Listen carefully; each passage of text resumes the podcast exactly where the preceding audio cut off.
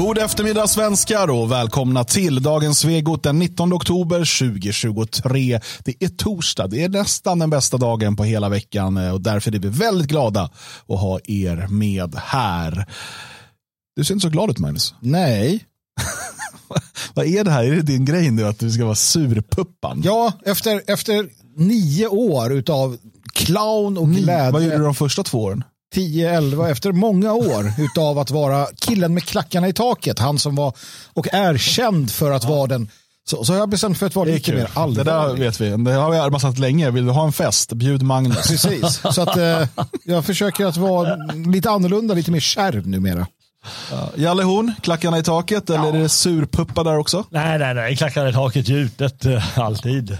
Livet är en fest. Det har, det har du själv sagt på scenen här nere. Ja, ni dansar och eh, super till undergången medan jag eh, reflekterar och kämpar. Och surar och dör butter. Om det är krav, om det är... Om... Jag smittar honom, ser du det? Jag det, det finns, det, det finns lite glädje och värme där inne. Om det är priset jag betalar. Ja, men saken är att om jag inte höll emot så hade ni spårat ur. Det är bara så. Det hade bara blivit hehe och hepp, hepp. Så, så istället för att ringa snuten när det är så här eh, besvärliga fester, ringer de dig istället? Det händer. Jag, jag en kommer du bara så här, uh, Det är så här lågaffektivt partyförstörande. Precis. Det, det, börjar på, det börjar vid början. Och sakta så, så tunnar det ut. Thin the cull, eller vad säger man? Ja. Vi ska alldeles strax titta på Jimmy Åkessons tal till nationen. Jag vet att Jalle Horn, du har sett det redan. Mm. Eh, jag har inte gjort det. Har, har du tjuvkollat Magnus? Nej. Ja, det är ju inte att du gjort något fel Jalle, men jo. vi kan ju säga att majoriteten har ju alltid rätt. Precis, så jag tänker att du kanske inte... Så du menar att jag har inte sett det? Nej, så alltså rent demokratiskt har vi inte sett det. Men det stämmer ju det du ja, säger. Ja. Det är ju mycket underligt. Så vi ska kika på det ja. Eh, och, och se vad uh, Jimmy har att säga. Jag har sett ett litet klipp som har cirkulerat på Twitter, så någon minut från talet har jag faktiskt sett. Men uh, det ska bli väldigt, väldigt intressant. Det har ju blivit omtalat åtminstone i sociala medier. Jag tycker inte att gammelmedia verkar ha nappat så mycket på det. De verkar inte vilja ge honom luft va? Mm. Jag antar att de uh, håller tysta om det. Ja, men det kan mycket väl vara så. Vi ska titta på det om en stund. Uh, vad skrattar du åt? Nu var det kul eller? det finns ett gammalt klipp när ledaren för Frisinnade Unionspartiet namnet, eh, han som bodde på Orust, namnet eh, flyr mig just nu. Han är med i tv, eller om det var en god vän som satt och pratade med honom. Och då, så hade han sagt, han var ju väldigt gammal ungefär som Jalle, och så hade han sagt eh, att, att Frisinnade Unionspartiet behöver luft. Så sa han det på sin så här, göteborgsk, eh, alltså där upp mot eh, Västkust, västkusten. Där. Mm. Och då Bohuslän. Hade, Bohuslän och då hade min vän hört det som att jag behöver luft. Och då hade han sagt, hur är det? Och då hade farbror sagt, det är ingen fara. Uh, Lundehäll. Sven, precis, Sven Lundehäll. Och det var fantastiskt, luft, jag tyckte det var så kul för att ja, jag, jag, jag kom att tänka på det här då, han satt, fryser på det med luft. Och, liksom, ja. Det var det. det, var det. Ja, det var inte roligare så, men okej då, då kör vi. Vad är det som händer? Det var väldigt roligt. Det handlade om Sven Lundehäll och krisen i Unionspartiet. En del av vår historia. Nu, nu är du tillbaka. Nu är du tillbaka. Får bara slipa lite på dina anekdoter. Man hinner zona ut liksom. Eh, precis eh, här, under, eh, här idag under förmiddagen så nåddes vi också av, nu ska du inte skratta. Nu får du inte skratta. Jag kan inte sluta.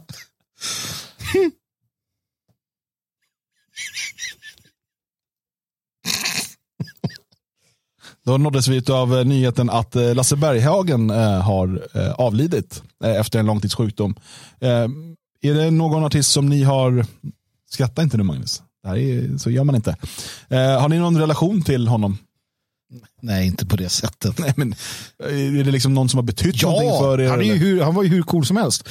Um, bra, bra sånger, trevliga såna här shower och, och, han var ju fantastisk när han framträdde. Och verkade sådär trevlig. va? Ja, och både lyssna på och sådär. Uh, och sen så var han frimurare också. Ganska höggradig i Stockholm, i logen där.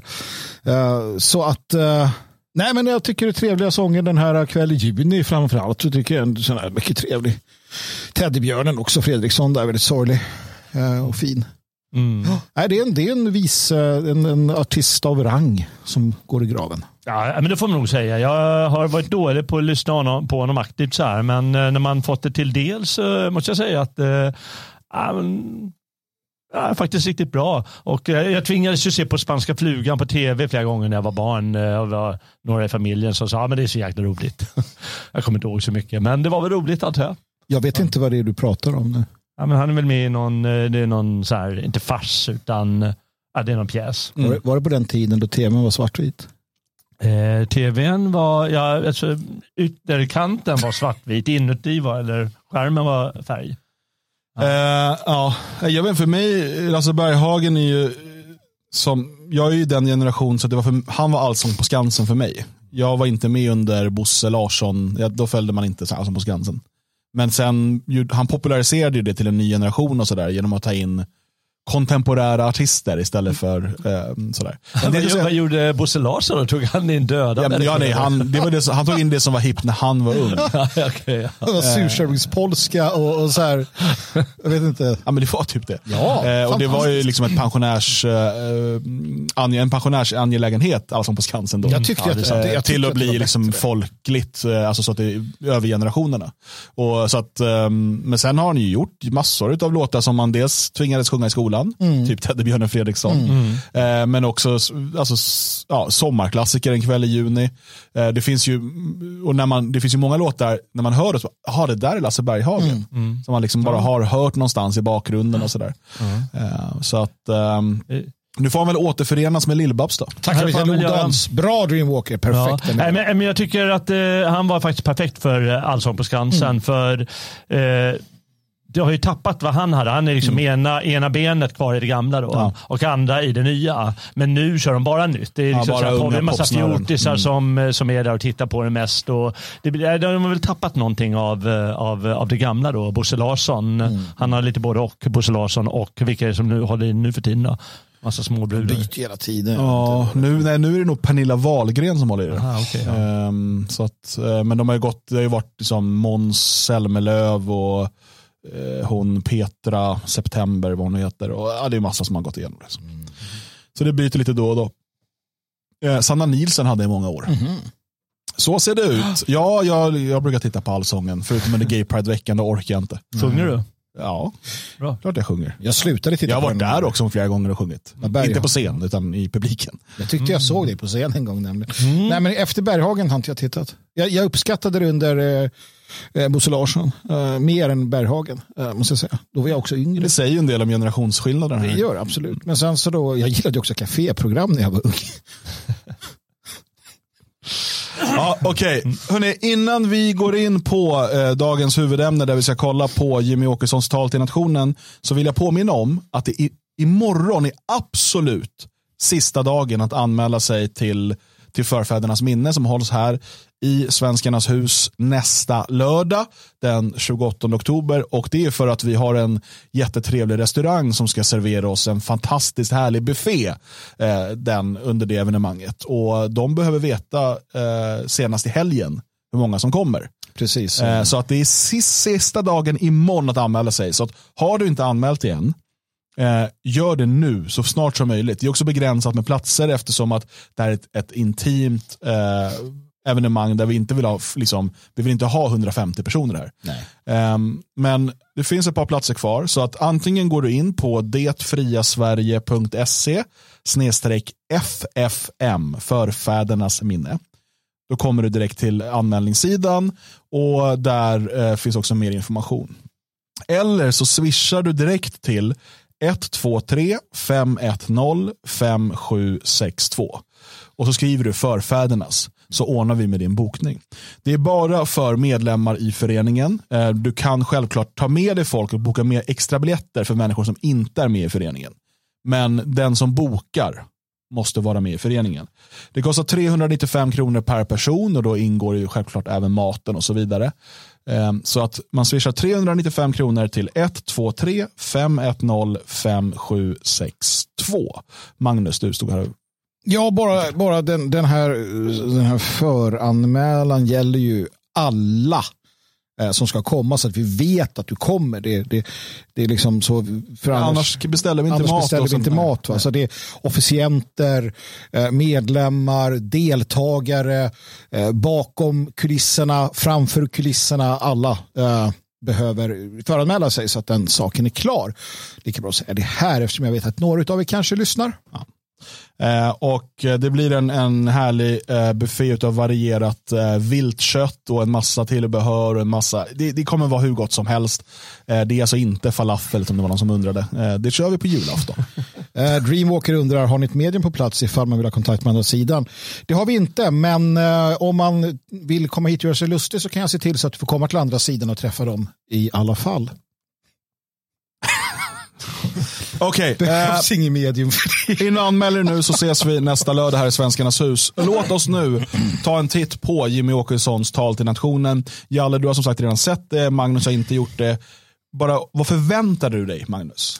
Nej, men jag förväntar mig ändå en uh, Jimmy Åkesson som är lite kraftfull. Uh, som rider på vågen av uh, det som har hänt. Som tar chansen att faktiskt, lite som under den här 2014, 2015, 2016 när de skulle ha sin mobilisering och man kallar till möte. Alltså lite sånt där känner jag att eh, jag förväntar mig. Allt annat än det kommer göra mig besviken. Förväntar mig också skarpa formuleringar. Skarpa formuleringar. Mm. Och att han är en schysst kompis mot Stegrud som också är hans... Eh, hans vadå? God vän. Uh Precis. eh, nej men, och det är väl ungefär det man måste förvänta sig i det här läget. Sverige befinner sig i ett allvarligt läge på, på flera olika sätt. Eh, säkerhetspolitiskt, både inrikes och utrikes. Eh, vi har terrorhot hängande över oss. Nyligen så mördades två svenskar i ett svenskfientligt terrordåd. Vi har en gatubild som allt mindre och mindre ser ut som Sverige. Eh, och ehm, det, det, är liksom, det brinner i knutarna. Mm med om någonting ska kunna göras åt det här. Mm. Så eh, vi får hoppas nu att Jimmy Åkesson har, eh, vågar snöra på sig boxningshandskarna mm. och dela ut några ordentliga smällar. Absolut. Vad tänker du eh, Jalle? Han har ju redan sett jag har ju redan sett den. Ja. Jag såg på det i morse, jag ska säga att jag var helt nyvaken så ja. jag tänkte inte så mycket på allting men jag förundras ändå över att han har en ganska rät linje. Vi får se. Mm. Mm. Okej, okay. uh, vi ger er Jimmy Åkesson och vi gör så att vi pausar när vi vill prata. Mm. Ja. Han har bytt glajjor. Precis, han har Eller? inte de där ah. glasögonen som han hade. Jag tror inte det är de i alla fall Mycket han hade på. Mycket bra i sådana. Alltså ja. det här känns bra på en gång. Ja, han hade på partiledardebatten han har fel. Det var något konstigt. Han har tagit, han har tagit Stegeruds på morgonen. Eller uh, han, han, han, Ja. Nu sprider du rykten. Nu är det säga vad det är. Jag har försökt meddela det, men han måste, för att jag överhuvudtaget inte ska ut, se ut som en liten barnrumpa, så måste jag ha liksom rätt kraftiga bågar runt om hela och det måste han också ha antar jag. Nu har han i alla fall gjort det på översidan, mm. gör lite. Okej, okay, det var, uh, något mer ni vill säga om kläderna eller ska vi börja lyssna Nej, men jag nu? tycker fint eh, kan Okej, okay, nu lyssnar vi. Mm. Sverige, svenskar, Sverigevänner i hjärtat. Vårt land mår inte bra, milt uttryckt. Vår värld mår inte bra. Det håller på att gå fullständigt åt helvete på ren svenska. Ja, det var en ganska hård början. Ja, men jag gillar kraftord. Jag tycker att de kan ha plats. Och det här var, jag gillar det. Jag gillar det här. Ja. Mm. Det är på väg att gå åt helvete. Ja, men det är ju sant. va? Varför säga det på något annat sätt? Liksom? Mm. Jag föddes 1979 i ett av världens tryggaste och rikaste länder. Och nu knappt 45 år senare så tvingas jag uppfostra min tioåriga son i något som mer liknar vilda västern. Ett trasigt, splittrat, otryggt och farligt land. Det skjuts och det sprängs som aldrig förr. Oskyldiga människor får betala med sina liv. Ett våld som sätter skräck i en hel befolkning. Två, två invändningar här.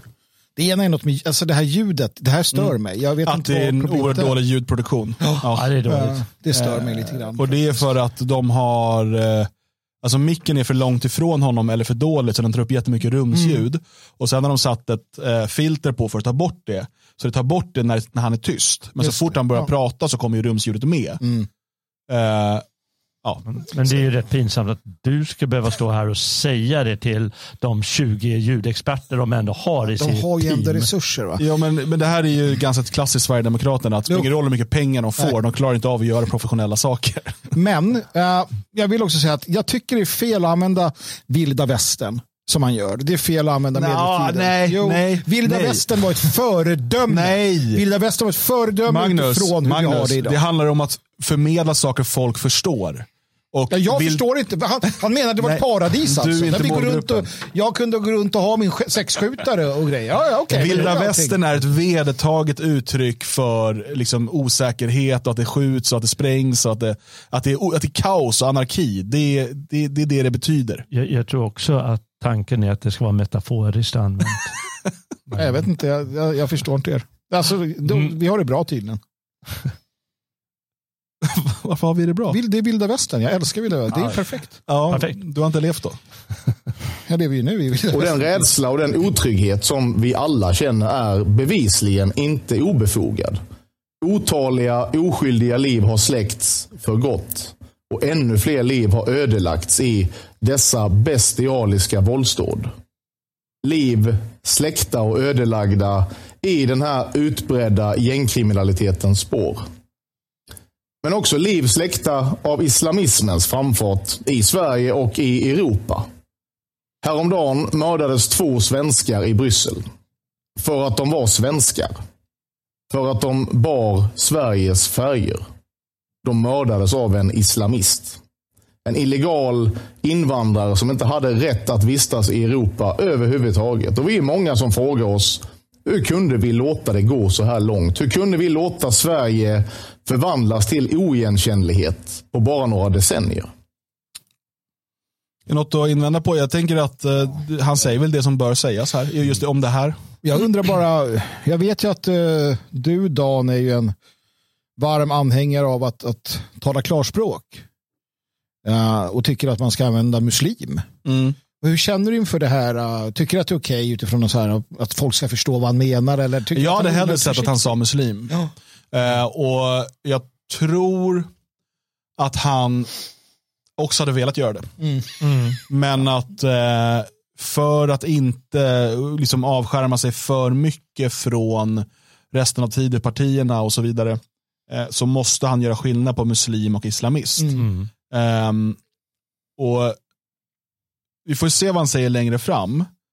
Men det kan ju vara så att han liksom, vad ska man säga, binder in det på något sätt så att man ändå förstår att det här handlar om många människor. Mm. Eh, jag, jag har fått för mig det, men vi ska se, i alla fall på reaktionerna. För det verkade som att var jätte, folk var jättearga för att han hade talat om muslimer. Okej, ja. Men för att annars så håller jag med dig att det, han säger det som behöver sägas. Det, det går liksom inte att, jag vet inte, saknar du något Gärde? Eh, nej, nej, jag gillar att han, eh, liksom han ändå när han säger islamist, att han verkligen betonar det rätt kraftigt och fränt. Eh, och då, då får det en särskild effekt. Vi måste alla förstå att, att alla dessa skjutningar och sprängningar, det är bara toppen av isberget. De är symptom på någonting som är mycket mer djupgående. Någonting som i årtionden har tillåtits äta sig in i samhällskroppen. Symptom som givetvis ska bekämpas med all kraft som vårt samhälle kan uppbåda. Men om vi långsiktigt ska kunna återskapa det trygga land som jag och som många av er fortfarande minns då måste vi framförallt komma åt de samhällsstrukturer som göder det här brutala våldet. Mitt svar på frågan om hur det kunde bli så här illa, det är ganska enkelt. Det handlar om ansvarslös politik och det handlar om ansvarslösa politiker. Massiv asylrelaterad invandring från kulturellt avlägsna delar av världen och på en nivå som saknar motstycke i resten av Europa. Det är det ena. Det andra är total kravlöshet. Där rättigheter och friheter, tillgång till välfärden och till offentlig service garanteras utan några som helst krav på motprestation och vandel. Och för det tredje, slapp kriminalpolitik där fokus har varit på den enskilde brottslingens behov och intressen istället för på brottsoffers okränkbara rätt till upprättelse och på laglydiga medborgares rätt till trygghet från farliga människor. Det är ändå tur att han använder det väldigt välkända ordet vandel för att kommunicera med svenska folket. Eh, förutom det så... Det är ett jobb, det ord de har försökt jobba in nu i flera år. Jag vet, det går sådär. Uh, men uh, man märker vad kul, vad kul det är när han ska liksom förklara problemet med invandringen och vilka ord han måste använda för att istället för att säga att liksom, sanningen eller verkligheten är vill. Just när han jobbar med så här, den här eh, alltså, öppna svenskheten i grunden och hela så här att försöka manövrera sig. Han kan ju inte bara säga liksom, det alla vet att han så det blir de här omskrivningarna som är Fast ganska... tror, man förstår ju ändå vad han säger. Oh ja, det han oh ja. säger är, vad säger han, asylrelaterad invandring från kulturellt avlägsna länder. Mm. Det alla hör, det alla fattar Ja, att ja. han menar är ju liksom Afrika, Asien. Ja, ja, visst. visst. Eh, Alltså, man måste ha klart för sig en sak. Han, han eh, vänder sig inte till oss här. Utan han vänder sig till eh, lite mer svenskar i gemen. Och då, då blir det ju då blir det ett annat sätt att kommunicera givetvis. Och Det andra är ju, och det är ju ett problem, att eh, det är ju redan långtalet, det är ju så här 13-14 minuter. Men man måste nästan täta ihop orden till, vad var det hette, asyl eh, invandring. Asylrelaterad invandring. Precis, ja. Och liksom, det är förstås för att knyta ihop det och inte behöva säga det i tre meningar utan i fem ord. Men det tappar gnistan lite. Som du säger, man missar lite poängen. Sen hade jag ju velat, och det, det kanske går tvärt emot det du säger där då, men att eh, jag tror, tycker, tycker att det är dags för Sverigedemokraterna också i de här lägena att börja ge en känga till liksom, eh, hela, ehm, liksom, hela systemet med mångkulturen. Man nä- vänder sig mot mångkulturen, men man har sett så här, som har pågått sedan Olof Palme valde att göra vårt land till en mångkultur 1975. För att, om han säger det, så får det folk, va, va, vadå, vadå? Och så kanske man börjar kolla upp de här sakerna Precis. eh, och var det kommer ifrån. Eh, men ja, det kanske är att komplicera det för mycket i sånt här läge. Och den här kombinationen av dessa tre faktorer, det är det som är förklaringen till att det ser ut som det gör. Det råder ingen tvekan om det. Visst har så kallade mjuka faktorer betydelse för hur ett samhälle utvecklas. Det tror jag alla håller med om. Men alla som menar att de problem som vi har idag handlar om sånt. Handlar om brist på skola, fritidsgårdar, socialtjänst. Alla de måste ha missat hur vår välfärd och hur vårt sociala skyddsnät här i Sverige ser ut.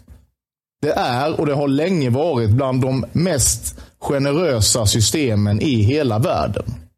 Trots detta och trots att vi år efter år har fortsatt ösa miljarder över så kallade problemområden så ser det ut som det gör i vårt land. Det här är ju faktiskt en viktig poäng som jag tycker att de har börjat komma oftare till nu. Att det fin- vi kan inte se någon kausalitet mellan att eh, liksom, eh, hur man säger då, låga bidrag, eh, dåliga resurser i skolan och så vidare och den här grova gängkriminaliteten. För att hade det varit en kausalitet, då hade vi ju sett det i länder som har mycket mindre resurser i skolan. Då hade ju liksom Lettland haft, haft jätteproblem med det här. Om det liksom var bara dåliga resurser i skolan eller dåliga med fritidsgårdar och så vidare. Eller eh, ett dåligt socialt eh, skyddsnät.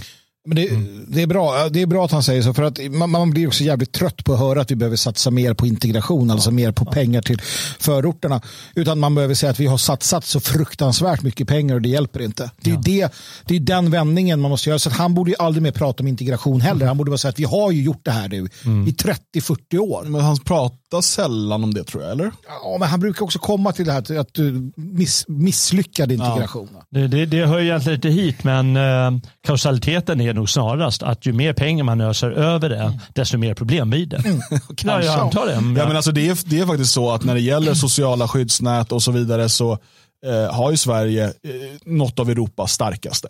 Eh, absolut. Och det, jag säger inte att det är perfekt på något sätt, det är inte det jag säger. Men det är bara att om det berodde på dåliga sociala skyddsnät så finns det länder som har sämre sociala skyddsnät som inte har problem med. Alltså kan man ta bort det som liksom den avgörande faktorn. Ehm, utan, och det vi kan se är ju dessutom att var de här gängen etablerar sig eller liksom kommer ifrån och, och liksom de här kriminella kommer ifrån. Det går inte heller att förklara med ekonomiska faktorer. För vi har stora delar av svensk lands och glesbygd som har väldigt dålig, alltså hög arbetslöshet, eh, relativt hög arbetslöshet, eh, låga inkomster och, och så vidare. Som inte har den här problematiken. Utan åtminstone korrelation kan du se eh, snarare på då där det bor flest ifrån Mellanöstern och Nordafrika. Där har du flest av de här problemen. Mm. Eh, så det är en större korrelation än liksom bara ekonomiska förutsättningar. Så är det. Så är det. och det tenderar dessutom att bli värre. Och Då heter det att integrationen måste bli bättre. Handen på, på hjärtat. Så har det låtit i snart 30 år. Ända sedan vi började med aktiv integrationspolitik i mitten av 90-talet. Och Min uppfattning är att integrationen, i bemärkelsen att nytillkomna anpassar sig till Sverige och till det svenska samhället. Den integrationen fungerade betydligt bättre innan vi hade denna integrationspolitik. Och Det är framförallt av tre skäl. Det kom hit betydligt färre människor. De kom från mer närliggande länder, både geografiskt och kulturellt. Och de var tvungna. De var tvungna att anpassa sig och att försörja sig själva. Så han verkar inte vara så mycket för den här integrationen då? Nej, det är jävla bra det. Sen så bortförklaras det givetvis med att eh, det, de var lite närmare, kom, de var tvungna att arbeta. Arbets, arbetskraftsinvandringen på, på, 70, på 50, 60 och 70-talet, den var ju helt enkelt sådan. Och, eh, så han bortförklarade lite, men han nämner det i alla fall på något sätt. Nej, absolut. Just, just, jag tycker det är bra att han gör det. Just att, att den så kallade integrationen, att, att tydligt visa att vi har gjort det här nu i 30 år. Ja. Det, det hjälper inte. Då måste man Jag ska, byta är det ju mer än 30 år? Det är vad- än 30 år, men, men- men ja. Ja, men framförallt det. ja. Framförallt. Och Då blir ju slutsatsen att om man sköter invandringspolitiken så behöver man ingen integrationspolitik.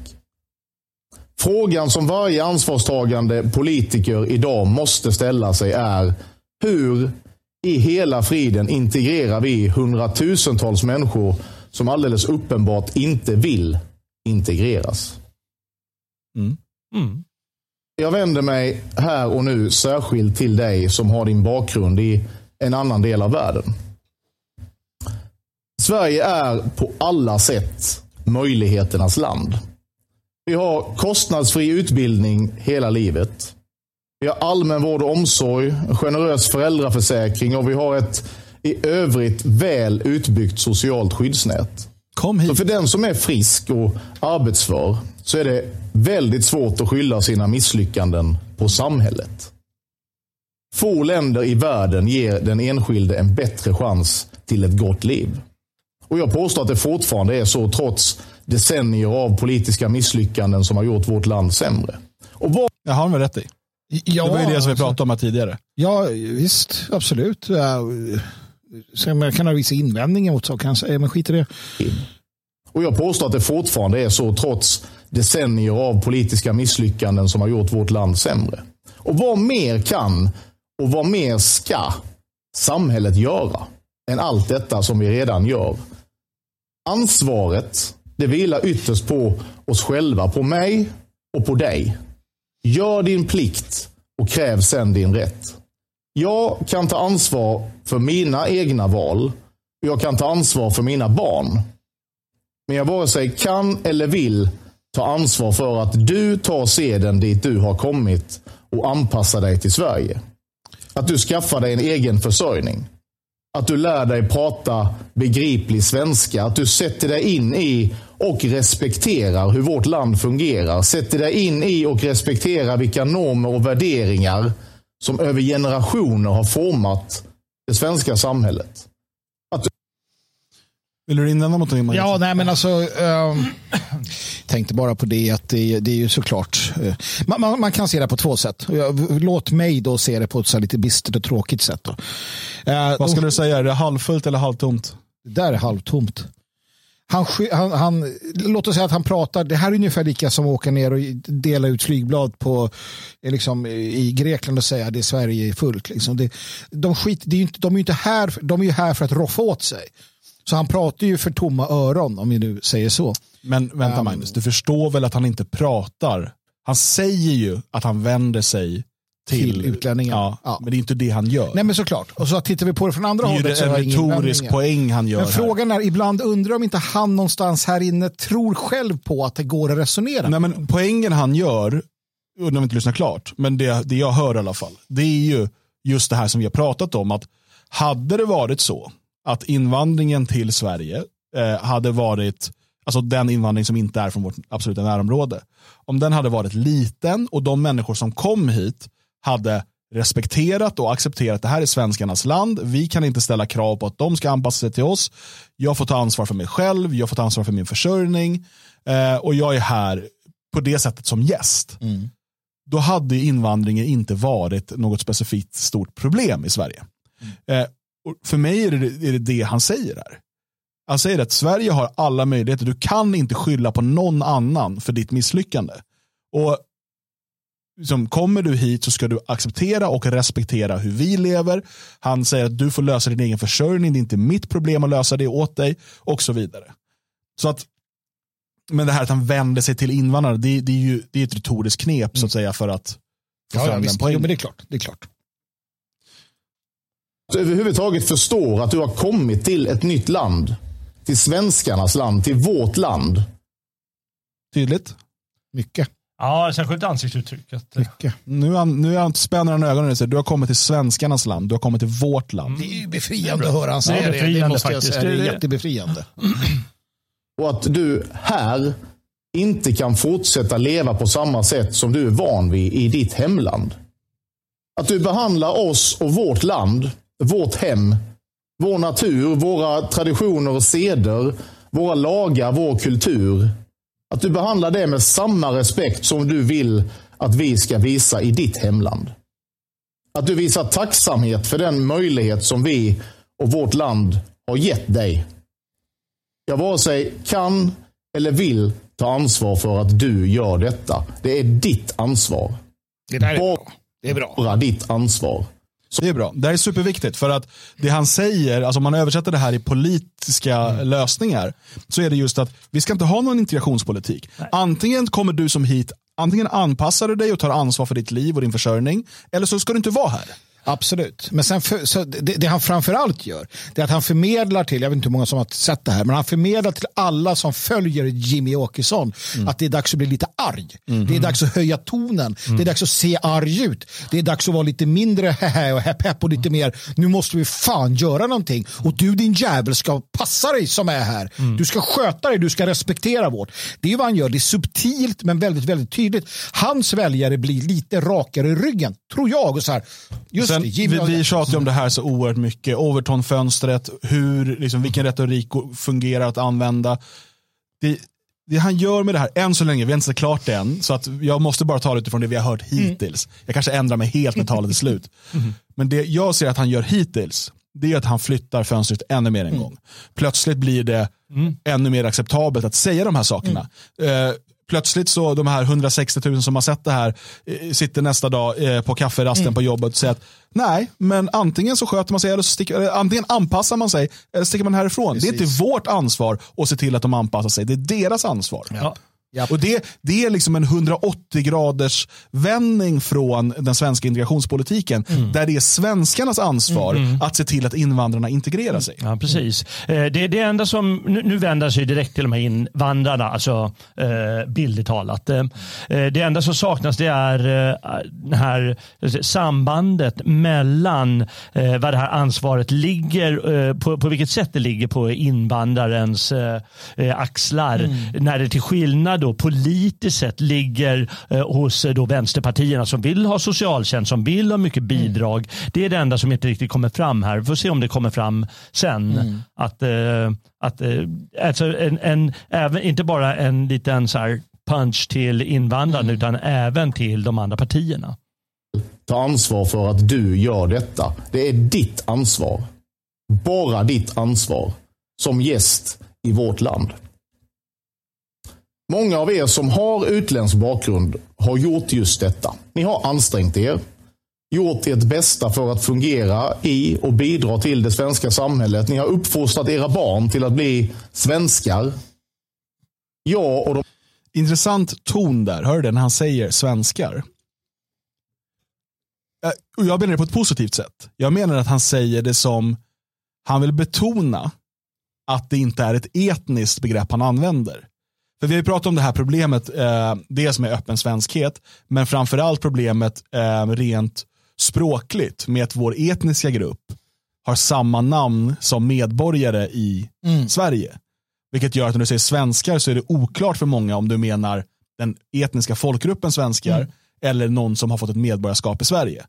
Um, och jag menar att när han säger så, så tycker jag att det låter som att han menar att ni är liksom uppfattat som till att kunna vara fungerande i Sverige. Alltså att kunna vara, vara medborgare i Sverige.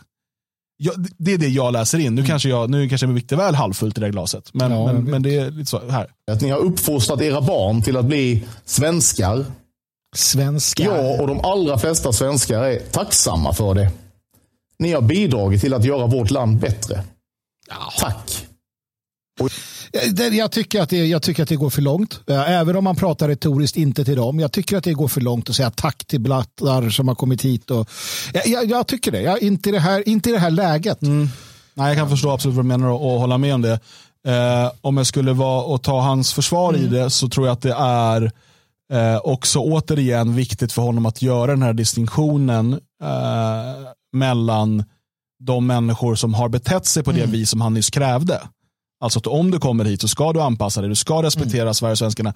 Han har fortfarande inte gått in på, han har sagt att det var många. Mm. Men menar han majoriteten Nej, eller precis. jag vet inte om han liksom kommer in på det sen. Men, eh, men, och då blir det också, ja, men jag håller med om att i det här läget så känns, eh, känns det lite fel att liksom tacka. Men, men jag kan också, jag förstår den retoriska idén bakom. Ja, ja, jo men absolut, det gör man Och jag menar det verkligen.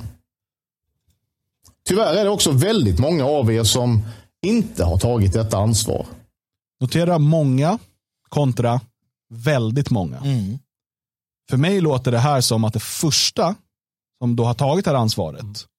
är en mindre grupp än de som inte har gjort det. Mm. Många kontra väldigt många. Mm. Det här är ett förskrivet tal, mm. så att mm. man har tänkt igenom varje sån formulering. Det är inte bara att han råkar använda ett starkare uttryck där. Bara så var med oss det. Du har kanske kommit hit bara för att begå brott. Du har kanske kommit hit för att leva på bidrag. Leva på pengar som hårt arbetande svenskar har slitit ihop till den gemensamma skattkistan. Du har kanske kommit hit för att du behövde skydd. Skydd från krig eller förföljelse. Och så tycker du att du kan fortsätta leva här resten av livet men utan att anpassa dig och bidra. Och varför skulle du göra det när du ändå har så många av dina landsmän i samma bostadsområde. Känns ju nästan som hemma, eller hur? man behöver inte ens jobba. Man får pengar ändå. Det, du det, kanske trivs det, bra här. Det är bra att han, att han gör det här. Uh, man märker ju att vi reagerar ju. Ja, det, är alltså, det, det är riktigt bra. och, och uh, men Jag gillar att han skäller ut dem. För det gör han på, på sitt Jimmy Åkessonska sätt. Liksom.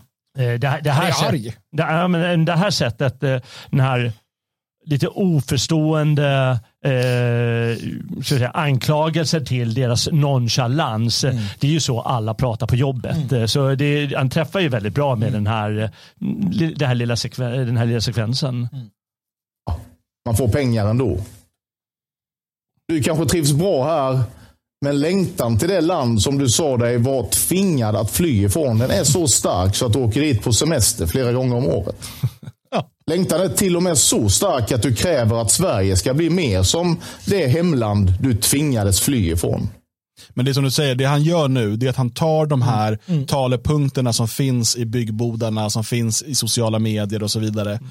Och så tar han det och så snappar han upp det och det är jäkligt smart mm. på det sättet att då tittar folk och bara, det är precis som jag ja, tänker. Igenkänningen precis. Ja. Sen, det är inte det att han säger någonting nytt Nej. och det är inte det viktiga här, utan det är igenkänningen. Ja. Eh, jag, eh, jag var utbytesstudent i ett annat land och då fanns en sån här internationell liten, vad ska man säga, inte studentnation men motsvarande grej. Mm. Och eh, då, då lärde jag känna några iranier där och alla när det kom fram för mig att alla gjorde det. Ah, vad fan har du varit och åkt? Men du hade ju flytt från ditt eh, Iran. Ja, ah, vad fan vi var ju där hela sommaren och så jävla kul. Va? Då, då, då slutade jag prata med dem. Mm. Det, det, där gick gränsen på något sätt. Liksom den här, ah, vi skiter i vilka. Mm. Ja, och det, och det är det folk gör. Ja, när, eh, när man hör när det utbryter någon, ja, men nu bara som då Israel eller Palestina, mm. så ja, det är 200 svenskar i Gazaremsan. Mm. Va? Eh, va? Precis. Det. Nej. Du kräver att vi svenskar ska anpassa oss till dina seder, till din kulturs syn på rätt och fel. Att vi ska underkasta oss påbud från din Gud eller dina heliga skrifter. Att vi ska ändra våra lagar ändra vårt sätt att leva för att du ska känna dig mer hemma. Du kanske tycker att Sverige är en lämplig plats för dig att utkämpa de konflikter som du har tagit med dig hit från ditt hemland. Att några av dina fiender också har flyttat hit så ni kan fortsätta ert krig på våra gator. Du kanske tycker att svenska flickor är lösaktiga slampor som du har rätt att förgripa dig på. Att svenska pojkar är klena, bortskämda töntar som du kan råna och förnedra. Du kanske känner att just Sverige är en utmärkt plattform för dig för att manifestera hur jublande glad och stolt du är över att dina landsmän nyss har slaktat hundratals civila. Slaktat barn, kvinnor och män i ett bestialiskt terrordåd. Jag ska vara helt rak och ärlig. Jag tycker inte att du ska vara här. För mig är du inte välkommen i Sverige. Jag tycker att du allvarligt ska fundera på att flytta någon helt annanstans. Varför inte tillbaka till ditt hemland där du förmodligen trivs bättre? Mm. Um, här, här, vill jag, um, innan berömmet kommer så vill jag bara säga ett problem som politiken idag har som är väldigt besvärande. Det är som han, han sa tidigare, det tenderar att bli värre och nu säger han allvarligt fundera mm. på istället för att uh, säga det han ska. Det kommer att bli värre och du ska sticka. Mm. Och det, det är den här, men jag tycker att det är anmärkningsvärt. Nej, det är inte anmärkningsvärt. Det är en jävla skandal saker och ting. Så det, det, finns ett par tillställen att han säger så, men, men annars är det ju... Ja, men precis. Ja, man, man, ska väl inte kalla det för fikonspråk, men det, är ändå, det finns politi, ett politiserat språk. Att ja. inte vara för Vet, Aggressiv. Nej, men precis. Direkt. Jag tror att det där kan hänga kvar. Här hade han kunnat kosta på sig det. Ja, det hade han kunnat efter Absolut. den här harangen ja. som, som ändå är väldigt lyckad måste man ju säga. Det är ju nästan som att se att han vill lägga in till ditt jävla land, ditt jävla skithålsland. Liksom. Han vill ju göra en Trump, men han liksom de hade klippt där också, såg du det? Precis innan det första gången han klippte i talet. Ja, det Då kanske var att han blev helt... För man märker att det finns mycket som går ut. Han kanske ställde sig upp och gjorde något med högerarmen. Nu tar vi det lugnt.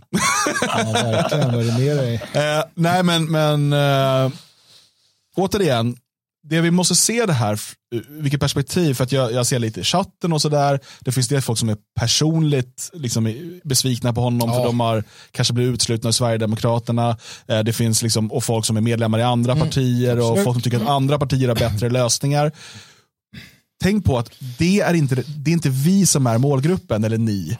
Det är inte, eh, det viktiga här är inte eh, huruvida vi, liksom den lilla, okej, okay. i förra valet så fick Alternativ för Sverige och NMR och fanns det något mer parti som, som man kan säga är mer invandringsfitis än? Jag vet inte. Jag vet inte, fick inte ens, jag tror inte ens 20 000 röster. Det är inte till de 20 000 han vänder sig i det här. Det är inte de som är intressanta. Nej, nej. Och det är, inte, det är inte effekten det har på dem det är intressant. Effekten han har på de hundratusentals, kanske miljoner som kommer nås av det här. Mm. Eh, att de vågar flytta sin egen åsiktskorridor. Mm. Att de känner att ah, jag kan tala lite mer öppet om det här, jag kan tala med lite mer, jag har, nu har jag den här ammunitionen. Det är det som är, när vi tittar på det här måste vi se den metapolitiska eh, sprängkraft som finns i att en, ett, en hårdare retorik. Absolut, absolut. Och, och jag menar, jag har invändningar också utifrån hur jag skulle vilja höra det här. Uh, men uh, det, det, är ju bara liksom personliga preferenser. Utan man måste ju se på det stora hela. Jag, jag, tänker på, jag har liksom människor i huvudet som jag vet ser det här och som blir lite mer uh, vettiga faktiskt utav det. För att de kommer våga ta ett litet steg till åt, åt rätt håll. Mm. Sverige, svenskar, Sverigevänner. Vårt land mår inte bra. Och ska vi klara att återskapa ett tryggt och sammanhållet Sverige, det goda hemmet för alla medborgare, då måste vi angripa rötterna till det som gör oss splittrade och otrygga. Och det är också det bästa vi här har vi ett klassiskt exempel på detta. Jag tycker det är ganska meningslöst att prata om att återskapa någonting av det skälet att det han säger är stick i stäv med egentligen alla siffror vi kan se, med opinionsläget, med hela Europas demografi. Men han är ju politiker med den preferensen han har med den roll SD har. Så därför så ska han ju säga precis så. För han kan inte säga, hörde det kommer gå åt skogen, vi föder för få barn, vi håller på att dö allihopa, vi måste dra oss tillbaka, omgruppera och slå tillbaka om 200 år. Då får han inte en röst. Så att, åt bara för att påvisa just vikten av att inte se det här som liksom mitt eller så. Eh, mm. Måste vi angripa rötterna till det som gör oss splittrade och otrygga. Och Det är också det bästa vi kan göra för övriga världen, för Europa och för västvärlden i stort. Sverige måste sluta vara ett avskräckande exempel och bli ett föregångsland igen. Landet som tog sig i kragen, körde ut kriminella, islamister och destruktiva lycksökare. Landet som låg nere för räkning, men som reste sig upp och sträckte på sig. Den verkliga konflikten idag den står inte mellan kvinnor och män. Den står inte mellan unga och gamla. Den står inte mellan rik och fattig. Det avgörande är inte vad du jobbar med, vilken utbildning du har skaffat dig, vem du älskar, var du är född eller var dina föräldrar föddes. Konflikten står mellan de som bidrar konstruktivt och de som inte bidrar alls. Den står mellan de som försöker och de som förstör. Här går han ju bort sig igen mm. eh, genom att släppa eh, grundproblematiken. Ja. Eh, och, och, göra det, koka ner det till en rent eh, materiell fråga mm. mer eller mindre. Eh, visserligen eh, bakar han väl in i det där anpassning och så vidare, vilket i ärlighetens namn då utesluter väldigt många människor. Mm. Eh, så att den, den, den effekten av en sådan politik skulle ändå vara önskvärd om än inte perfekt. Men det här är ju samma, han körde inför valet 2022 så hade han det här uh, konflikten står mellan de som bygger bilar och de som bränner bilar. Mm.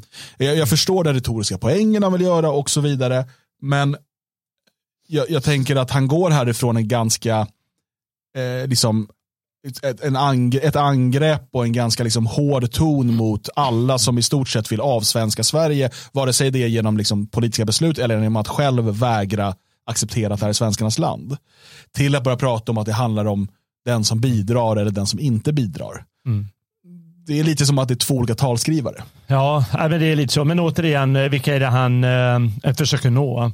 Eh, eller vilka är det han talar till? Och eh, de, jag vågar nästan säga att de till minst 50 procent tänker på, på det sättet. Att ja, men man, man ska, man, om, man inte bi, om man inte bidrar, då, då ska man ut. Så det är i alla fall ett första steg. Men det är klart det är lite lamt. Mellan de som bygger bilarna och de som bränner bilarna. Okej, förlåt. Jag har inte hört talet. Jag vill att alla goda krafter i Sverige tillsammans bygger det nya moderna folkhemmet. Jag vill att Sverige ska fortsätta vara ett möjligheternas land. Ett tryggt, sammanhållet, välmående land som alla vi svenskar på nytt kan vara stolta över. Och Det kräver att vi vågar prata om och göra upp med tidigare misslyckanden. Att vi har kraften och viljan att utkräva ansvar. Det kräver att vi vågar utmana gamla sanningar, pröva nya lösningar i en ny verklighet. Att vi har modet att stå upp och stå stadigt även när det blåser. Sverige, svenskar och Sverigevänner. Jag har aldrig lovat guld och gröna skogar.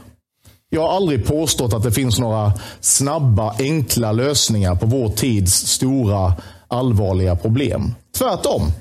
Det kommer att ta tid att städa upp efter de senaste decenniernas slappa och destruktiva, möjligen också självgoda och naiva styre. Det kommer ta tid. Men vi kommer att vända utvecklingen. Tillsammans vänder vi utvecklingen. Tillsammans som Sverigevänner i hjärtat. Mm. Där var talet slut. Mm. Eh, och eh, Vi ska eh, prata lite mer om det. Eh, först bara ge talet ett betyg från 1 till 10, Magnus Söderman. Ja, usch. nej, men då lägger jag mig på en uh, ja, 7-8. Ja, 78. 78 väger in mina personliga Jag ligger också där på en 7 ja, skulle jag säga. Ja. om vi lägger in mina personliga preferenser och sådär. Mm. Men det är absolut upp till en 8 om jag ser det ur ett sverigedemokratiskt, alltså, eller, eller ett mer metapolitiskt perspektiv. Ja. Vad det kan ha för. Ja. Vad tänker du Jalle? Eh, Jag eh, försöker jämföra då med andra som hållit sådana här tal i det här landet och de tycker jag har varit eh, mediokra och det tycker jag det är verkligen mycket, mycket bättre. Det är mer stringent, och det är mer direkt. eh, Det, det är lite för långt kanske, men, men det var så. Så jag, jag ger det åtta. Eh, Jag, jag, och jag har tänkt på, jag, jag ger aldrig nio och tio, så jag är väldigt generös nu. Mm, ja, verkligen, verkligen. Ja. Ja, det är lite blandade skurar i chatten här. Femma, sexa, åtta, nia, åtta, sexa, noll. Jag tror inte att nollan handlade om talet utan om...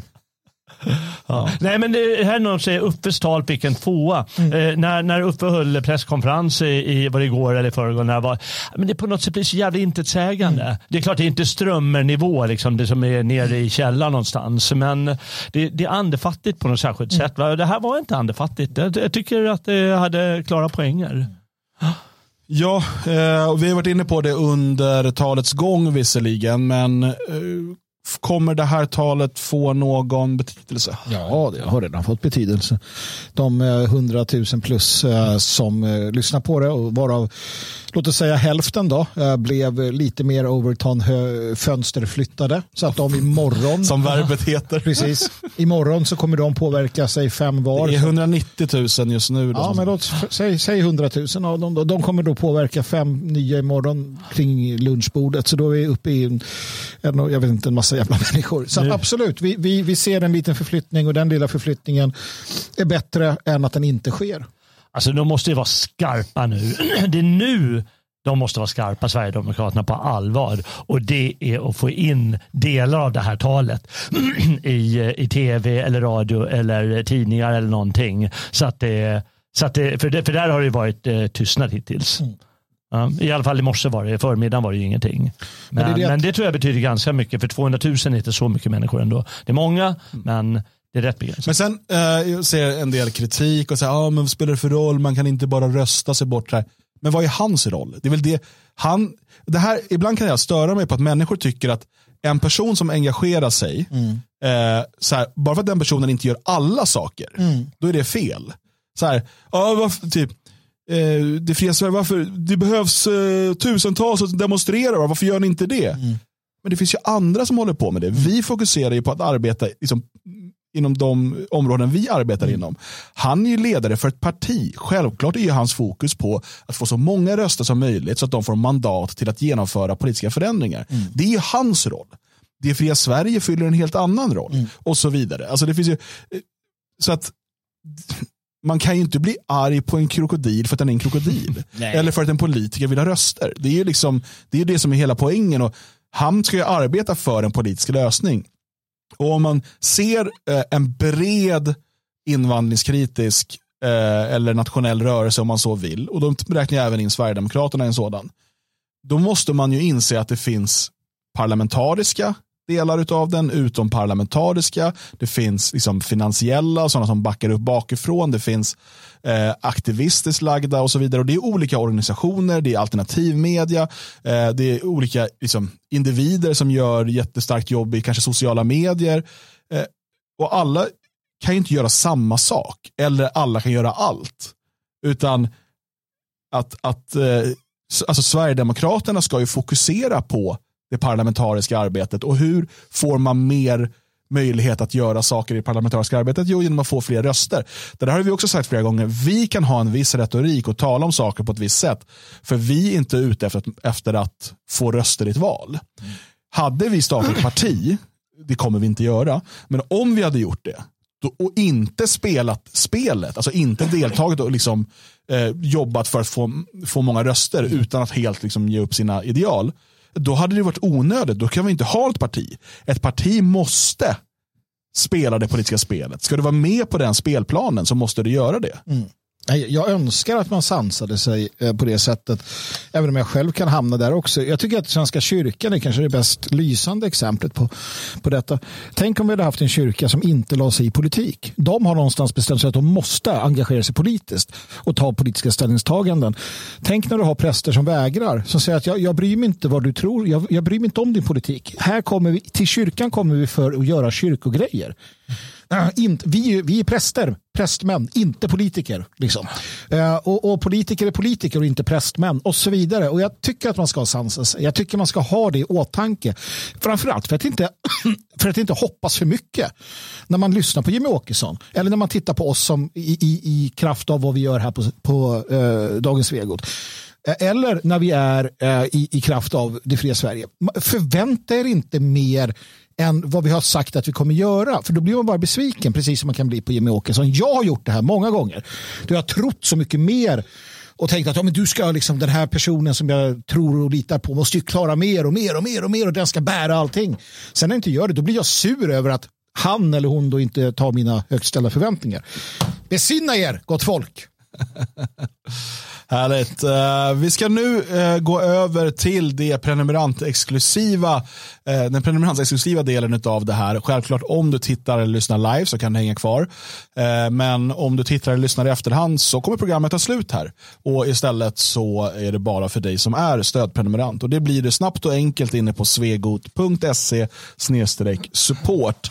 Um, en sista påminnelse bara innan vi då lämnar. förfädernas minne Sista chansen att anmäla sig imorgon om inte platserna tar slut redan idag. Eh, du kan gå in på detfriasverige.se FFM, alltså förfädernas minne. Eh, och så kommer du till anmälningssidan. Eh, alternativt så swishar du till 123 510 5762 och så swishar du 395 kronor per person. Och då skriver du förfäderna som meddelande. Kan du sluta med din foliehatt nu Magnus? Det låter väldigt mycket. Eh, det här måste jag säga väldigt ofta, varje dag kan jag säga på kontoret. Um, och så att, och då, då eh, blir du anmäld och, och, kan delta. Vi kommer nämligen imorgon vara tvungna att veta hur många som deltar för att eh, vi eh, då beställer maten och det blir en härlig viltbuffé. Precis. Mm, mm, mm. Ja, eh, vi ser fram emot att träffa er här i Svenskarnas hus nästa lördag på till förfädernas minne. Nu går vi över till eh, koll på konspirationerna och idag så ska vi prata om en flygplats och inte vilken flygplats som helst. Denver International Airport. Men är det bara en flygplats? Mm. Eller är det något helt annat? Vad gömmer sig i skuggorna? Vad beslutas i hemliga rum? Är makteliten ens människor? Det är dags att få koll på konspirationerna.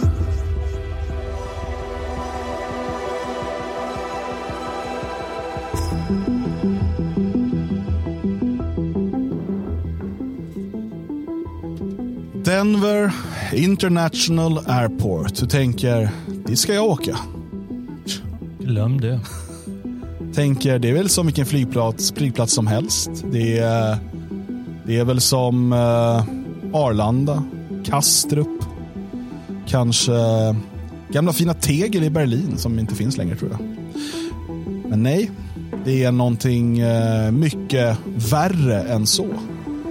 Och Varför säger jag det här? Vad är det som tyder på att det här inte är vilken flygplats som helst?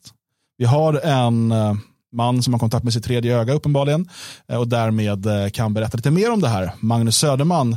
Ehm, vill du ta fram bilderna som du skickade tidigare från din, din hemliga bevislåda? Absolut. Ehm, så kan vi förklara lite vad det här handlar om. Vi kan att, börja med att mm. konstatera att eh, Denver International Airport som byggdes för ett antal år sedan. 95 står den klar va?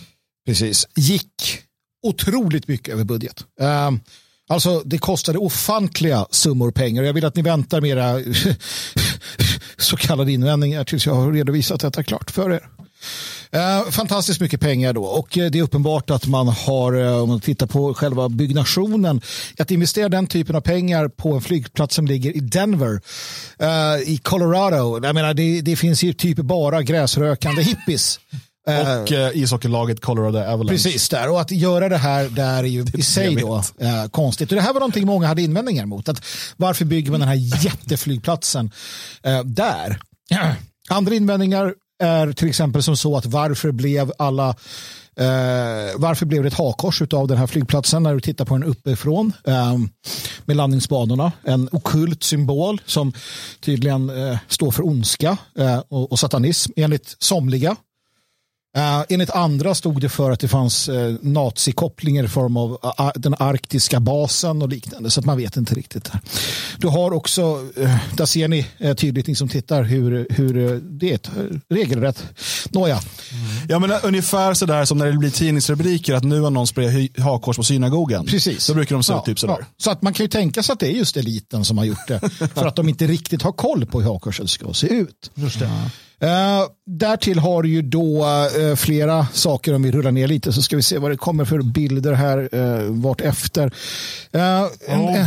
här, en tydlig, mitt i väntsalen så finns det en sten. På den stenen så ser vi den klassiska frimurarsymbolen. Um, det står att det är då de lokala logerna som har liksom varit med och byggt det här. Och så står det här New World Airport Commission står det längst ner. Ja, alltså det är lite problematiskt där för att de här logerna finns ju och frimurare finns och de var med och gjorde det här och la ner en minneskapsel, vilket de gör lite här och där. Ja. Så det är ingen som förnekar det. Det andra, den här uh, New World Order, den fanns också. Det, var, det finns mötesprotokoll och så.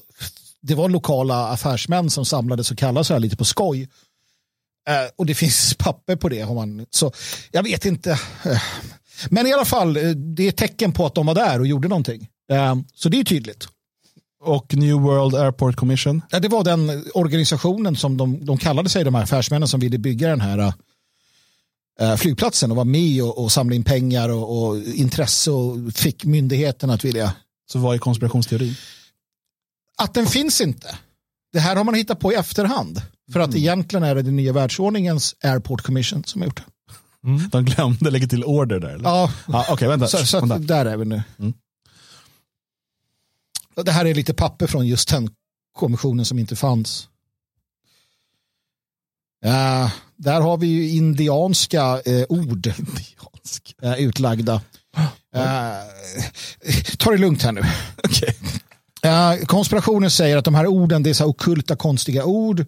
Eh, och, och, och, Gustav Adolf. Ja, fast, ja, precis. Gustav Adolf den andra och så vidare. Så att, eh, men, men det kan få sina förklaringar om man vill. Det andra som du visade också eh, är då en, en AUG, AU, Med guld AG. och silver va? Ja, eller den australiensiska antigenen. Antigenen. Alltså, ja, Fan, anti, ja, ja, men alltså det som är problemet är att man säger att det här kan vara en australisk antigen som är ett livsfarligt virus. Eller en någonting. Problemet är att antigener inte är patogener. Ja, nu, jag är ju inte molekylärbiolog. Ja, men antigenen gör så att du får Men jag känner till, jag kommer ihåg periodiska systemet lite grann. Du, du, ni har båda två mössorna Ja, på er. förlåt, förlåt. Ni får inte säga emot nu. nej, nej, förlåt, vi gör det sen. Ja. Nej, säg inte emot. Jag, bara, men det, jag är en ifrågasättande individ, det är därför jag har eh, kommit fram till de här sakerna. Ja, alltså- är du med i program, programmet? Så att här har man då lagt in det på golvet för att eh, visa att man ska utrota mänskligheten med en, au, den australiensiska antigenen. Mm. Inte patogenen, men okej. Det kan inte, man, nya världsordningen får inte rätt alla gånger heller. Nej, det eh, så. om vi går ner lite grann så ser vi Det då. här är ju sjukt. Här har vi Ja, det. här har du då muralmålningar eh, som är faktiskt helt sinnessjuka.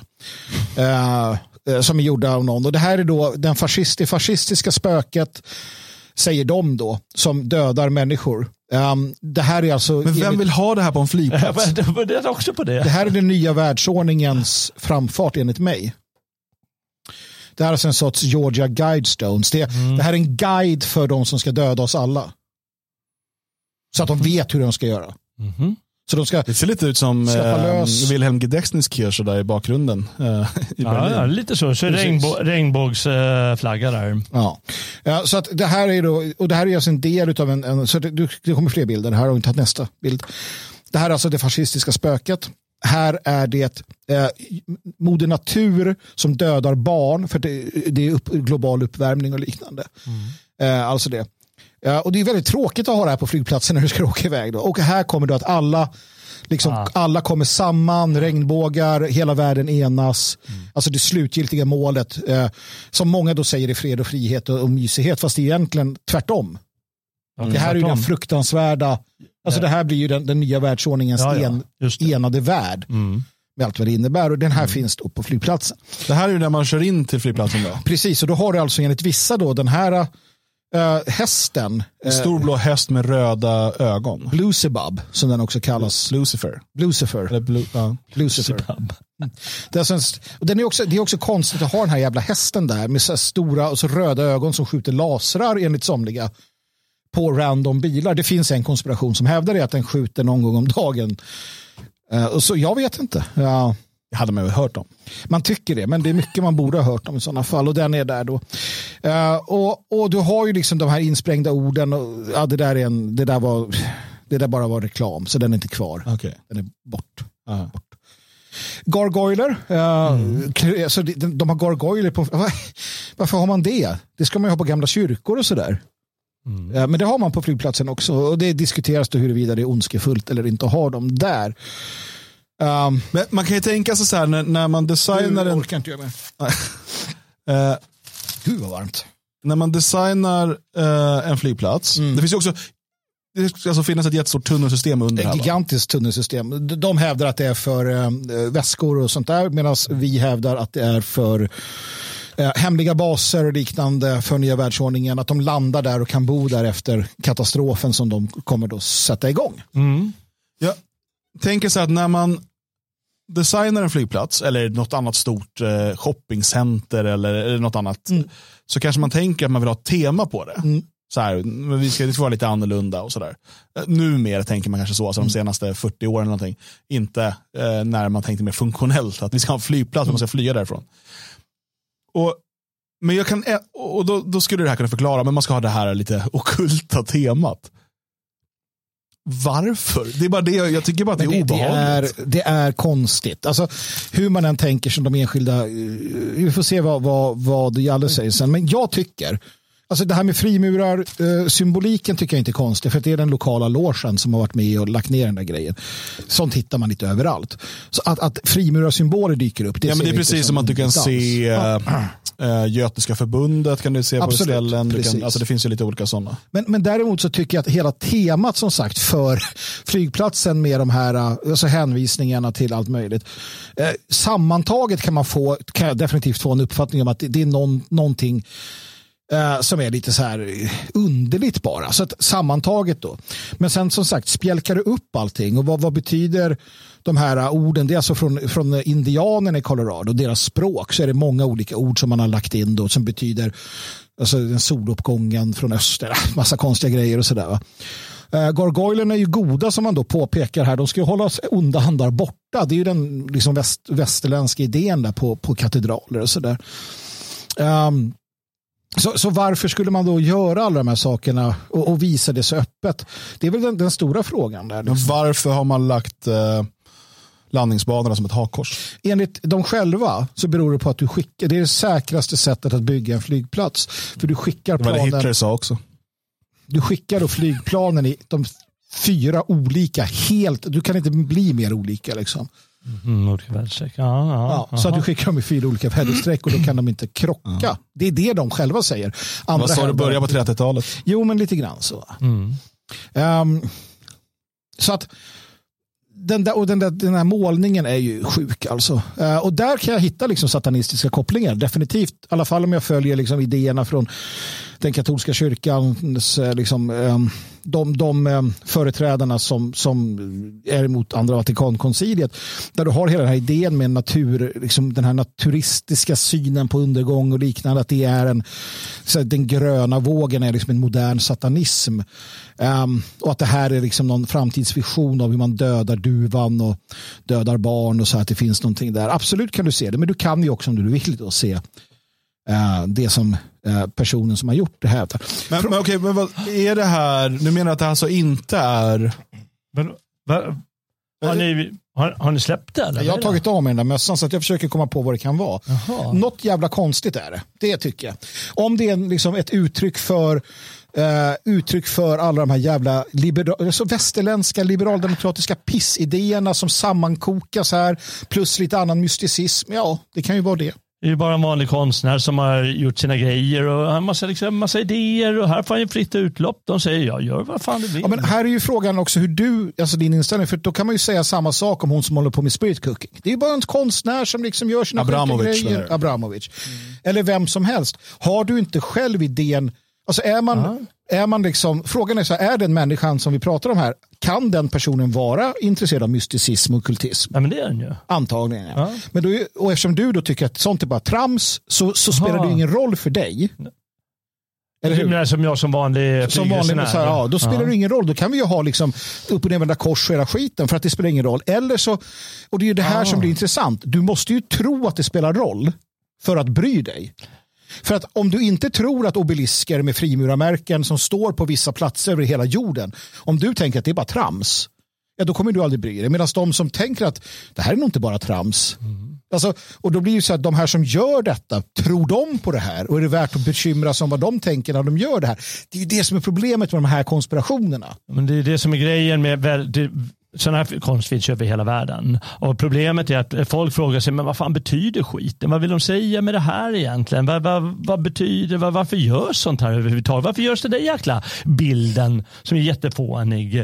Eh, men då har han sina idéer som du säger och han, så funkar det idag med, eh, med konstnärerna. Att de vill, dels vill de vara väldigt speciella, att ingen ska fatta vad det betyder. Eh, Eller kanske inte ska betyda någonting. Eller, eller så vill de samtidigt att jo, men det här ska omfamna hela världen, att alla ska fatta det. Och så, så, jag menar, det är klart folk är jättefrågande för. Det är gjort för konspirationsteorier. Och den här äh, fredsmoralen är ju inte, alltså, man kan ju tycka vad man vill om den, den är inte konstig. Du har ju då Irland och Storbritannien, flaggorna tillsammans. Du har Israel och Palestina, du har USA och Ryssland, eh, du har Indien, Pakistan, alltså konfliktländer. Ehm, är det Iran och... Och sen har du djävulen som ligger där nere. Eller det där Ja, fascistiska men, monstret. precis, så han är ju dödad då. då. Ja, eller så bygger det på hans värld. Alltså, saken är ju den, nej, men sen är det ju så här också. Enligt sådana, är det två fredsduvor. enligt sådana, enligt somliga, så är ju, så är ju symboler väldigt viktiga. Alltså att, att, att, att eh, Irak och Iran. Det. symboler som visas offentligt och som finns och som omgärdar oss att de spelar roll. Jag tillhör ju de som tror till exempel att det är eh, det är bra att omge dig med, med symboler och- som till exempel våra runor och eh, liknande för att det ger dig liksom kraft egentligen. Det ger dig någonting, ger dig stamina. Medan jag tror att negativa symboler, sånt som är liksom mot vårt eget, gör att vi mår sämre. Precis som jag tror att arkitektur kan påverka mentalitet och hur man mår och så vidare. Um, och därför tror jag också att den här typen av symbolik som är negativ eller som på olika sätt och vis, jag tror att det, det kanske inte är så bra helt enkelt. Jag tror att det är bättre att ha trevligare saker än, än vad jag tycker att det där är. Sen är ju det en personlig preferens naturligtvis. Men som sagt, Abramovics konst tror jag, jag tror att det är direkt skadligt. talat. Det tror jag. Ja, det är nog. En- En annan sak som, man, eh, som eh, ger upphov till konspirationstanken det är ju förstås att eh, eliterna de måste ju ha någon plan. Det måste ju finnas en plan. Var ska de ta vägen när, eh, när det brinner i knutarna? ja? Så det är inte alls konstigt att folk tänker att ja, men det där är en lämplig plats. Den ligger lite bort. Eh, eh, har tillgång till både liksom, åt österut och västerut i USA. Och eh, Den har säkert en massa olika fördelar. Och eh, Det måste de ju ha. Eller är det så att eliten idag bara ja, de är vind för våg. Oj, blir det urartar det här i Sverige? Eh, har inte statsministern och de andra lite planer på att eh, slå ner och gömma sig under tiden? Mm, nej men precis. Det är ju det också. Jag vet inte, Dan, du är lite tyst och fundersam. Är du lite orolig eller känner du att du inte riktigt vet vad du ska göra av det här? Nej, men jag har bara svårt att läsa in så mycket mer än att det liksom är liksom multikulti, hippie. Du ser inte de här äh, liksom, mörka satanistiska vibbarna här alltså? Nej. Jag svarar åt honom. Den där, men den här hästen, liksom, det är uppenbarligen en av fyra, eh, fyra hästarna. Inte uppenbarligen, den är lite obehaglig. Ja, men varför, och det är det här, varför, varför fyller du en nybyggd federal eller en, en nybyggd men alltså, flygplats jo. med, med obehaglig... Jo, men det- det- därför- Du sa att det finns över hela världen. Vart finns det mer? men ju- du Varför det? ställer, man, varför ställer man ut uh, Serranos konst? Miguel Serrano? Ja. Var kan Nej, man inte? Mikael. Han, eh, an, Nej, men, Andreas ja, men det är en sak, men att bygga en flygplats som ska stå i många år och Men fylla varför den, har man ett... eh, fylla den varför, Va- varför har de ett kromat äppelskrutt i Vivalla? Och frågar Marcus Allard. Jag har ingen aning. Nej, just det. Vad, vad var det symboliserar? Är det djävulen äter upp äpplet åt dig? Tack så mycket. Ja, Jalle sa så här att sån här konst finns över hela världen. Ja, vart?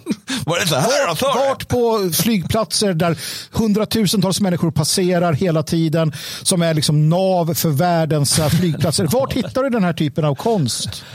Jag vet inte, kolla så noga att flyget så men du mycket, sa alldeles att Ja, du men hittar över jag hela världen men du kan inte säga en enda plats. Bra, då fall, föll det argumentet. Stockholms tunnelbana, Kungsträdgården. däremot kan- Kungsträdgårdens Ja, det läste du i chatten, precis. Nej, jag vet också. Vi har menskonst på, i tunnelbanan också. Ja, ja absolut. Utav den här typen av människor. Men det är också sånt som inte blir kvar. Det här blir kvar. Och den på, eh, absolut, frimurarna är inblandade i den på Men, men vad, är, vad, vad är meningen att göra ett konstverk om det inte har någon form av dramatik eller har någon form av liksom flera känslor representerade? Ska allt vara ett jävla klistermärke, Det här är ju en- med, det här är ju en- klistermärke med glitter på? Eller? Det här är ju en, en, jag vet inte varför, och det är där så också, det var någon som skrev något om programmering här ja, eh, För jag kan inte heller fatta, var, är, det, är det en instruktionsbok för nästa generation utav nya världsordning att om de glömmer bort det elände de skulle ställa till med, åk till Denver och kolla på väggarna. För att jag förstår inte syftet. Det är det, jag förstår inte heller syftet. Kolla Nej, men- på väggarna. ja, nej, men Så så här- jävla usel instruktion. Jo men det är det, varför gör man det här? Det är det jag inte fattar. Eh, jag, jag ska säga inte varför de gör det här utan jag ska förklara varför Alltså saken är att Jalles här... foliehatt funkar inte. Nej den är så Ah, Nej, dålig. den är så jävla värdelös. Va? Det har ju gått sönder. Men eh, det är för att den här flygplatsen ligger i USA. Men Det är därför det finns så jäkla mycket sån här skit om det, eller hur? Det är inte svårare än så. För alla vet hur det gick med nya Heathrow och eh, nya eh, Brandenburg. De kostade ofantligt mycket pengar. De gick många, många år över tiden att bygga och det var så mycket fiffel och tricks och, och så mycket mer. Varför inga konspirationsteorier där? Ja. Därför att det där är Amerika. Ja, det är, ja. Sen har de inte, inte fullt med Men alltså har du, du, har, ja, du har ju varit på nya Brandenburg. Eh, Finns det någon mer opersonlig Jag var flygplats? skittråkig. Jag skittråkig. Gud vad tråkig. Jag hade velat ha lite satanistisk konst på väggarna. Så man jag skulle att, behöva lite sånt där. ja, men alltså, för den är så jäkla tråkig och intetsägande. Det hade kunnat vara en flygplats var som helst. Jag vet att ni, Jag ni, skrattar, alla ni, ni skrattar bort allt det här. Jag förstår det, här är bara hehe och hepp hepp för er. Det gör ingenting. Eh, men eh, rätt bekväm ut. Det blir så varmt. Men eh, nej, sen kan man ju ställa sig frågan om det är liksom någon form av så här prank. Att de bara så här, men vi fyller den här, vi bara lägger in konstiga grejer, gör en hänvisning. Liksom, gör någon symbol här, ta någon okult jävla grej så är det några av de här kommer bli helt vansinniga. Det är ingen som bryr sig ändå. Men det bästa med konst är ju att eh, den lever sitt eget liv. Det är det som är grejen. Jag- jag och ihåg- den här konsten lever sitt eget liv. Efter Oh ja, har oh han ja. gjort det och får, han är skitglad över att vi står och snackar om det nu kan jag lova dig. Ja, han men, död. och det, det här med att prank är nog in, alltså jag håller inte det för helt omöjligt. Jag kommer ihåg ett prank vi gjorde en gång. Och det visade hur dumma i huvudet människor är. Vi tog en bild på oss när vi var i studion, det var nu hade i Berlin. Och så hade vi skärm i bakgrunden med J-date, alltså den judiska Ja, datingsidan. ja. Och eh, internettrollen var ju helt säkra på att nu hade vi avslöjat oss som judar. Bla, bla, bla, och du vet. Och det är fortfarande, eller fortfarande några år sedan nu, jag inte, håller inte koll på så mycket, men där folk har lagt in det. Ja, men kolla här då. Det är ju bevis, de är ju judar igen. De Precis. jobbar för Mossad. Kolla, varför skulle de annars vara inne på J-date? Så, så ett, ett uppenbart skämt att ha i bakgrunden. Men det spelar liksom ingen roll för att när, när den här inte funkar ordentligt, de bara, så blir det så. Nej, men det där, jag, jag tycker också det, just när vi gjorde den, det var, det var så kul att se att det tog inte lång stund innan det liksom var en, en, en, en sanning i sig. Uh, nej, men det är ju samma, jag tycker det är så kul på, när, man, när, när man läser in för mycket i saker också. Om man tittar på till exempel frimurarlogen i, i Washington DC, de har en sån här jättehög eh, pelare utanför. Där har de ju bland annat satt in Darth Vaders ansikte. Och det, det tycker jag är ganska kul. Eh, att de har lite självdistans. Också eh, de som ska förslava oss. Ja, ja. Ja. Som misslyckas. Då har vi pratat lite om Denver International Airport. Jag, håller, jag, håller, jag säger det är något skumt. Det, jag, jag vidhåller det är något skumt. Något skumt. Det är vad jag säger. Ni tycker att det bara är hepp hepp. Återigen för att citera Palme. Ja, tack för det eh, Olof den yngre. Eh, vi skolan nu avrundar detta, eh, detta avsnitt. Eh, och och eh, jag eh, undrar om vi ska prata imorgon igen. Ja, det är högst troligt. Jag är osäker på om jag vill det faktiskt. Men inte säkert. Eh, med tanke på hur du beter dig Magnus. Så känner jag inte Jag att tycker jag... han var lite för glad idag. Ja. Var, var den där butta gubben? Jag kände ett stort behov av att, av att försvara det här inför er två. För att ni var så vansinnigt uh, sådär uh, jävla... Jävla... Äh, vi är tillbaka Ja, vi får se. 14 med en fredagssändning och då blir det hehe och hepp hepp. I alla fall i andra delen, för då blir det clownvärlden, det vet ni. Eh, stort tack för att ni har lyssnat. Vi hörs imorgon igen.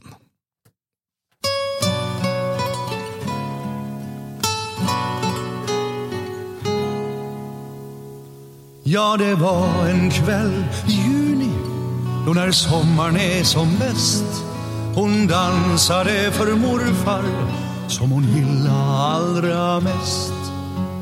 Hennes morfar satt och nynna på en sommarmelodi. Plötsligt spratt det till i gubben. Han blev ung och han blev fri. Han tog av sig sin kavaj, sparka av sig båda skorna och så spotta' han ut snuset. Sa min sköna, får jag lov? Hon var vacker, han var stolt, rak i ryggen som en fura. Det var sommar, det var glädje och de dansade och sjöng. La, la, la, la, la, la, la, la.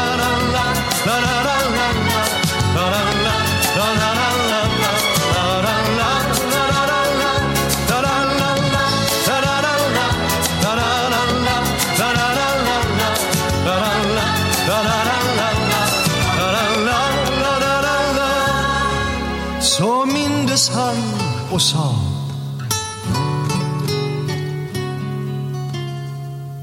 Ja, du skulle sett din mormor.